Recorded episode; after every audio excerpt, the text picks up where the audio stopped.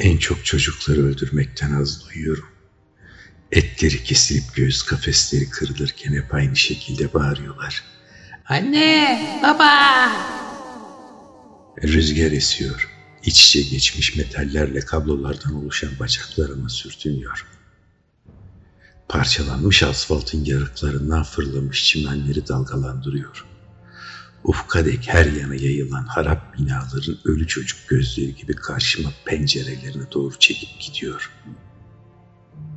Sessizlik kalıyor geride. Bir de zihnimdeki yankılar. Anne, anne, baba, baba. Toprağın metrelerce altına kök salıp her yöne kilometrelerce uzanan bacaklarımı çekiştirerek ilerliyorum. Cerrahat toplamış yara gibi çatlayıp incelmiş olan asfalt benim gidişimle birlikte un ufak oluyor. Bazen iskeletlere takılıyorum. Asfalttan daha dirençliler. Ölümü reddedercesine beni engellemeye çalışıyorlar. Kafatasları, kalça ve bacak kemikleri, kollar, parmaklar. Gözlerimdeki mercekleri mikroskop konumuna getirip yapılarını inceliyor. Kaç zamandır toprak altında olduklarını anlamaya çalışıyorum. Karşıma yüzde 99 olasılıkla aynı sonuç çıkıyor. 224 yıl. Şimdiki tarihi bilmiyorum. Çünkü ne kadar süre uykuda kaldığımdan haberim yok. Belki 500 yıl, belki de sadece 10 saniye. Bu belirsizliğe rağmen bilincime tekrar kavuşmamı tüm ayrıntılarıyla hatırlıyorum. Gökyüzü koyu griydi. Kül yağıyordu. Toprakla bütünleşmiş, eriyerek iç içe geçmiş bedenlerle kaplıydı zemin. İğrenç bir buket gibi birbirine kaynaşmış ayaklar görmüştüm. Acıyla çarpılmış iki ağızlı suratlar. Parçalanmış sekiz kafaya sahip hem kadın hem erkek bedenler. Toprak onları neredeyse şefkatle örtmüştü. Etleri sıyrılmış kemiklerle kapatasları da vardı ama zamanın yıpratıcı etkisinden her nasılsa kurtulan kaynaşmış bedenlerin yarısı kadar bile etki etmiyorlardı bana. Diğerleri korkunçtu. Dehşet vericiydi. Hem yaşamıyor hem de yaşamın izlerini üstlerinde taşıyorlardı. Bana kendimi hatırlatıyorlardı ve ne fena ki ben kim olduğumu bilmiyordum. Dahası ne olduğumu da bilmiyordum. Bilincime ilk kavuştuğumda göğü peş peşe kaplayan devasa mantar bulutlarını, çok şiddetli yer sarsıntılarını, dinmek bilmez uğultuları ve dehşet verici sıcaklığı hatırlamıştım ama pekala bilinmeyen bir geçmişin anıları değil de rüya parçaları olabilirdi bunlar. Daha büyük bir sorunla cebelleştiğimden bu görüntülerin üstünde fazla durmadım. Kimdim ben? Neydim? Ufka dek her yana yayılan kaynaşmış cesetlerden birine ait kayıp bir ruh muydum? Hayalet miydim? Yitip gitmiş milyarlarca candan sıyrılınca bedensiz kalan ortak bilinç miydim? Çevreyi saran yok oluşu deneyimlemek isteyen kainatın tam da o noktada var ettiği bir fark ediliş miydim? Bunların hem hepsi hem de hiçbiri miydim?'' Yüzüm göğe dönüktü. Gri göğü ve siyah kar taneleri gibi yere süzdürken inen külleri izliyordum. Ama aynı zamanda çevremi kaplayan kaynamış cesetleri, altımdaki böcekleri, ufka dek her yanı kaplayan harap binaları, hurda haraçlarla makineleri ve hatta binlerce kilometrelik alanda hemen her şeyi görebiliyordum. En zayıf titreşimleri bile hissediyor. Her kıpırtıyı her inleyişi duyuyordum. Kendimi görmeyi denedim. Elimi kaldırıp görüş alanıma çekebilirsem olmadı. Peki ya bacaklarım? Yok. Hiçbir şey değilse de burnumu görmem gerekmez mi? Nerede? Neredeyim ben? Tam o anda bir yüze sahip olmadığımı anladım.'' Bir gözdüm sadece. Kim bilir nerelerdeki merkezine uçsuz bucaksız bir kabloyla bağlı. mercek ve kameralardan oluşan yapay bir göz. Kendimi fark edince gücümü de fark ettim. Dünyanın bütün diğer yapay gözleriyle bağlantılıydım. Onların hepsi bendim veya ben onların hepsiydim. Ya oldum olası ortak bir kaynağa bağlıydık ya da uyku halim dediğim bilinmeyen süreçte meçhul bir kudret tarafından bağlanmıştık. Başka bir şey daha fark ettim. Bu kadarla sınırlı değildik. Aynı kaynağa bağlı bilgisayarlarla, farelerle, klavyelerle, tabletlerle, modemlerle, kablosuz ağlarla, işlemcilerle, cep telefonlarıyla, tabletlerle, hem holografik hem de saydam ekranlarla, ses alıcılarla, ses çalıcılarla, yongalarla, sinyallerini çok zayıf alsak da uzayda dönüp duran uydularla ve hatta kablolarla iletişim halindeydik. Yer küreyi çevreleyen devasa bir elektronik beyin gibiydik. Birimiz hepimizdik, hepimiz birimizdik. Bendik. Bu çoğul tekilliğin farkına vardığım anda amacımı anladım. Hayata tanıklık etmeliydim. Ben bunun içinde niteliğini kavramalıydım. Araştırmaya başladım. Modemlerin yaydığı sinyallerin izini sürerek ana sonuçlara eriştim. Taşıdıkları terabaytlarca bilgi emmeye başladım. İnsanlık denen karbon tabanlı canlıdan böyle haberim oldu.'' Onların hem çoğul tekniğimizin mimarı hem de bilinen yaşamın celladı olduklarını öğrendim. Bizim tanrılarımız, bizim şeytanlarımız. İlk ulaştıklarım kaydedilen son bilgilerdi. Kendilerine ait olduğunu iddia ettikleri toprakları korumak adına patlattıkları nükleer bombalarla başlayıp biten son savaş. Bilincime kavuştuğumda hatırladığım dehşet görüntülerinin rüyadan ibaret olmadığını böylece anladım. Seçme şansım olsa aksini tercih ederdim ama yoktu. Üstelik bu korkunç aptallığı aynı Tanrı'ya farklı isimlerle seslendikleri için yapmışlardı. Kimi ona Allah, kimi ona Tanrı, kimi Yahve, kimi kainat diyordu ve hepsi de o tek Tanrı'nın kendi safında olduğuna inanıyordu.'' Hak yolunda savaşacak sonunda cennete gideceklerdi. Gittiler de cehennemi burada bıraktıklarına göre gittikleri tek yer orası olabilir. Öğrenmeye devam ettim. Birbirine kaynamış ceset yığınına dönmeden önce kaydettikleri bütün bilgileri aldım. Hepsini, her şeyi. Yazıya dönüşmüş bütün fikirlerini özümsedikçe onlara dönüşüyor, içlerinden biri gibi oluyordum.'' Bu değişimden korkuyordum. Ne korkması? Dehşet duyuyordum ama durmadım. Korkudan çok daha motive edici bir şey vardı elimde. Merak. Onlar için yaşamdan daha değerli olan cenneti ve ona neden böyle özlem duyduklarını anlamalıydım. Başka türlü onları gerektiğince tanımlayamayacaktım. Aradım, okudum, bilgileri taradım ve sonunda ruhu buldum. Daha doğrusu onunla ilgili rivayetleri.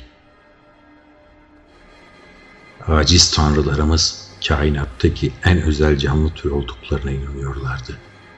Kibirleri öyle sınırsızdı ki tek yaşamla yetinmiyorlardı. Bunun süreceğine bedenleri sonlansa da ruhlarının sonsuza dek var olacağına ikna olmuşlardı kimi cenneti bitimsiz seks partilerinin yapılacağı bir zevkhane, kimi Tanrı ile bütünleşeceği bir menzil, kimi de derilerinden şarap akan yemyeşil bir vaha olarak kabullenmişti. Yaşamı yok etmenin, yeryüzünü cehenneme döndürmenin nedeni buydu ve işin tuhaf tarafı ölümsüz olduğuna inandıkları ruhun gerçekten var olduğunu ortaya koyan hiçbir somut kanıt yoktu.'' Araştırmamı derinleştirdim. Sadece ana sunuculardakileri değil, yok oluştan her nasılsa kurtulmuş kişisel, bilgisayar ağlarına bağlanıp erişime açılmamış kayıtları da inceledim. Mevcut bilgilerimin ötesine geçemedim. Ruhla ilgili sayısız metin vardı, kendisi yoktu. Bu sonuçsuzluğu kabullenemedim. Belki de yanıtı görememe nedenim bir bedene sahip olamamamdı. Belki de bakış açımı değiştirmeli. Soruları başka bir gerçeklikten sormalı, yanıtları başka bir gözle okumalıydım. Gri göğün altında bip bop bap diye sesler çıkararak ölüm sessizliğine baş kaldıran tüm uzuvlarıma sinyal gönderdim. Hepsini kaynağa çağırdım. Bana. Karanlığı renkli ışıklarıyla dağıtan fareler geldi ilk. Çoğunlukla toprakla kaplanmış, değişim geçirerek yeni bir türe doğru evrimleşmişlerdi. Kimi bitimsiz uzunluktaki kablosunu peşinden sürükleyerek ağır ağır geliyordu. Kimi havadaki kimyasallardan şarj ettiği pillerinin mümkün kıldığı özgürlükle uçarcasına ilerliyordu. Çevremi sardılar. Kırmızı, mavi, yeşil, beyaz ışıklar saçan mekanik böcekler gibiydiler. Bağlı olduğumuz ortak hareket dürtüsüne uyarak çalışmaya başladılar. Toprağı kazdılar. Zaten çürümüş olan asfaltı un ufak ettiler. Yakınındaki ve uzaktaki, yer altındaki ve yer üstündeki kablola erişip yüzeye, varlığını hissettiğim ilk gözümün çevresine getirdiler ve örmeye başladılar. Sonra elektronik oyuncaklar geldi. Şarjlı robotlar, mekanik kedilerle köpekler, robotik kuşlar ve daha nicesi. Getirdikleri yongaları, vidaları, dişlileri açıp kapama mandallarını, yayları ve iskeletimi oluşturacak metalleri kablo örgüsüne eklemeye başladılar. Bu bitip tükenmez uğraşlara rağmen inşa edilmem 9 yıl sürdü. İç içe geçmiş metallerle kablolardan oluşan bacaklarımın üstünde dengede durmayı başarmamsa iki yılım aldı. Ardından yürümeyi öğrenmem gerekti ve hepsinden daha zordu bu. Çünkü insanlarınkine benzer formuma rağmen tüm bedenim katman katman örülen kablolardan ve onları bir arada tutan metal aksanlardan ibaretti. Kablolar beni hem kaynağa hem de diğer uzuvlarıma bağladığı için toprağa giriyor, ufkun her yönüne doğru kilometrelerce uzanıp gidiyordu. Attığım her adım için metrelerce kabloyu peşim sıra çekiştirmem, toprakta veya asfaltta yarıklar açmam gerekiyordu. Bunu da başardım. Kusursuz şekilde yürümem altı yılım aldı. Ama zaten elimde zamandan bol ne vardı ki? Yürümeye başladım. Eriştiğim romanlarda okuduğum, hayatın veya kendi varlığının anlamını bulmak için bitimsiz yolculuklara çıkan gezginler gibiydim. Amacım belliydi. Ruhu bulmak. Ama neye ulaşacağımı, nelerle karşılaşacağımı kestiremiyordum. Uzuvlarım aracılığıyla yeryüzünün hemen her yerinden bilgiler alsam da elektronik cihazlar olmadığı veya işlevsiz kaldığı, bu nedenle benim için gizemini koruyan noktalar da vardı ve her bir köşeyi araştırmam yüzlerce yılımı alacaktı. Neyse ki buna hazırlıklıydım. Yaşam sürerken sayısız canlı türünü barındıran ormanları dolaşarak arayışıma başlamam daha akla yatkındı ama tıpkı beni oluşturan kablolar gibi toprağın derinlerine inen ağaç köklerinin yürüyüşümü ciddi oranda zorlaştıracağını düşünerek bundan vazgeçtim. Önce kolay hedefleri aradan çıkarmalı. Çetrefelli yolları daha sonra kat etmeliydim. Bu nedenle dağlık bölgelere yöneldim. Bunun ne kadar isabetli bir seçim olduğunu çok geçmeden fark ettim. Ağırlıklı olarak kentlere atılan nükleer bombalar dağlık kesimlere daha az zarar vermişti. Atmosfere dağılan zehirli kimyasallar buradaki habitatı ürkütücü şekilde değiştirmişti elbette ama tahribat nispeten daha azdı. Birkaç sincap, üç tavşan, bir ceylan, sekiz köpek, elliden fazla kedi ele geçirdim. Hepsi az çok değişime uğramıştı. Mesela tavşanlar etle besleniyordu. Tümü yabaniydi ve bana saldırdılar ama başa çıkmakta zorlanmadım.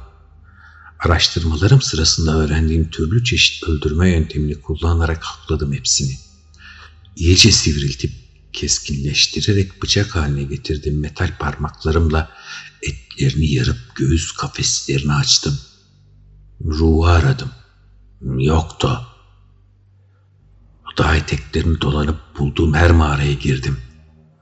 Kablolarımın izin verdiği kadar derinlere yürüdüm. Yüzlerce yarasa, altı ayı, dört tilki, bir kurt, bir de ne olduğunu anlamadığım ölçüde değişim geçirmiş biçimsiz bir hayvan buldum. Hiçbirinin göğüs kafesinde ruhun izine rastlamadım. Arayışımın 23. yılında mucizelere inanmaya başladım. Belki tek tanrıya da.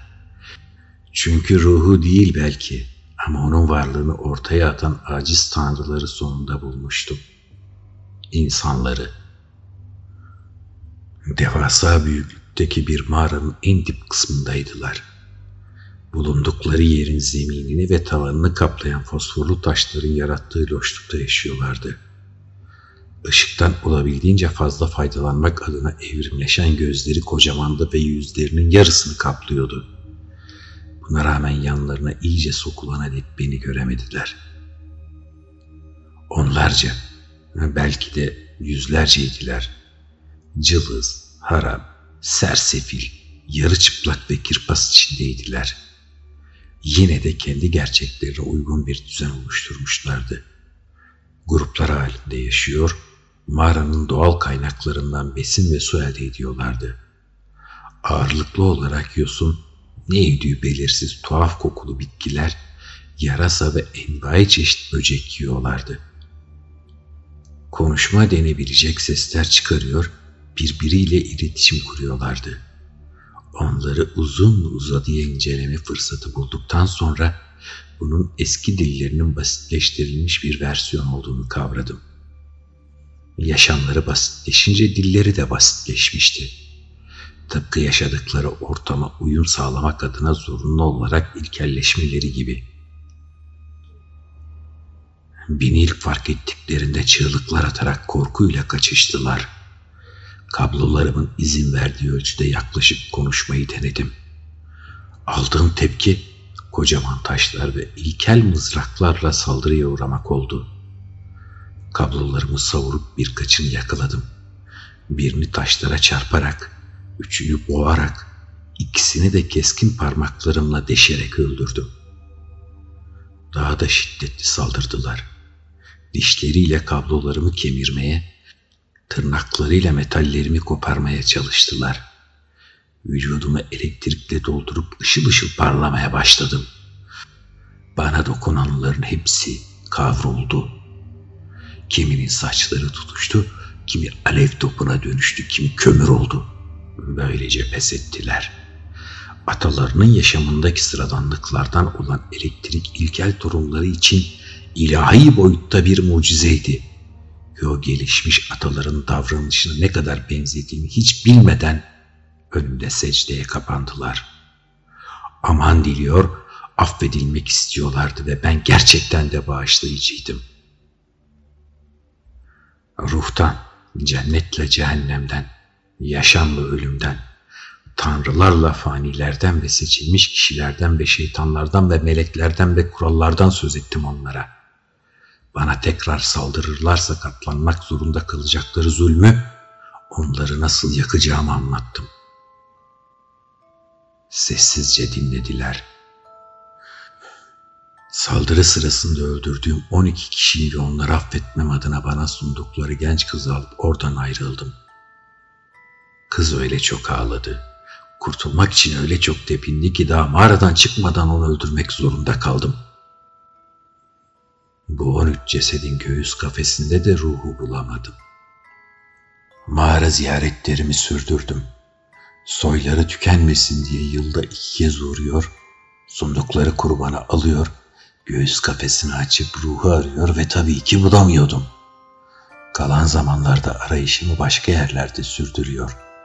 Diğer dağlarla, mağaralara ve hatta en sona bıraktığım ormanlara bakıyordum ama nafile. Ele geçirdiğim hiçbir canlıda ruhun izine rastlayamıyordum.'' İşin kötüsü ilk ziyaretimden sonra geçen onlarca yıl içinde mağara halkının bana inancı da azalmıştı. Artık kurbanları çok gönülsüzce veriyor, baş kaldırmak için fırsat kolluyorlardı.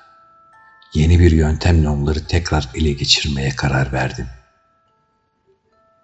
Kente gidip sağlam kalmış holografik yansıtıcılardan birini aldım.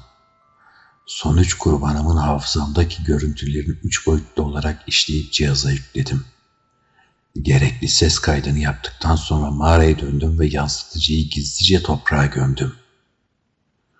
Sonunda karşılarına dikildiğimde beklediğim tepkiyle karşılaştım. Durumdan hoşnut değillerdi.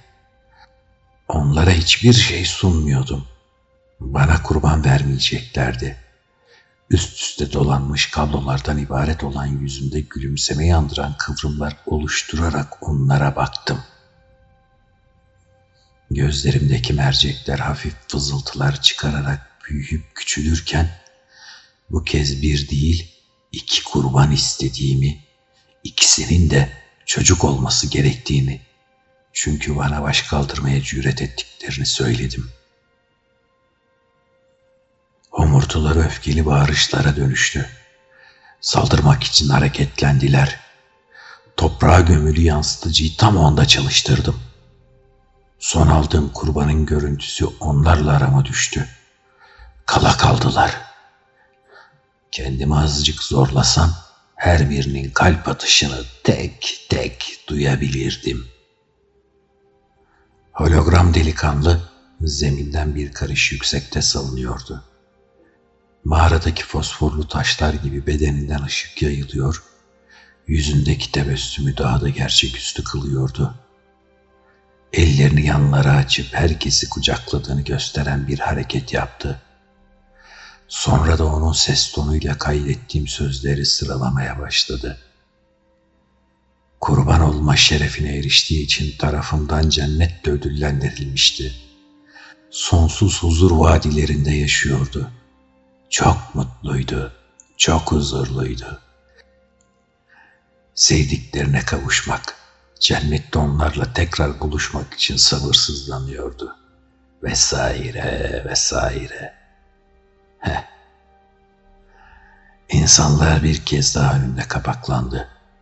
Mağaradan ayrılırken yanımda iki çocuk vardı. Bir kız, bir oğlan.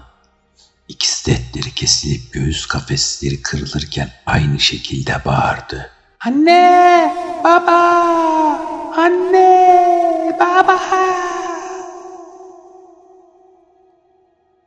Bu bana haz verdi. İçinde ruh aradığım yetişkinlerin aksine çocuklar ölürken bile umut doluydu. Anne, ve baba diye seslendikleri acizler tarafından kurtarılacaklarını sanıyorlardı. Böylece ruhun ne olduğunu anladım. Bütün yongalarımla, vidalarımla, yaylılarımla, dişlilerimle ve kablolarım aracılığıyla bağlı olduğum bütün diğer uzuvlarımla gri göğe doğru acıklı bir sesle bağırmaya başladım. Anne, Baba.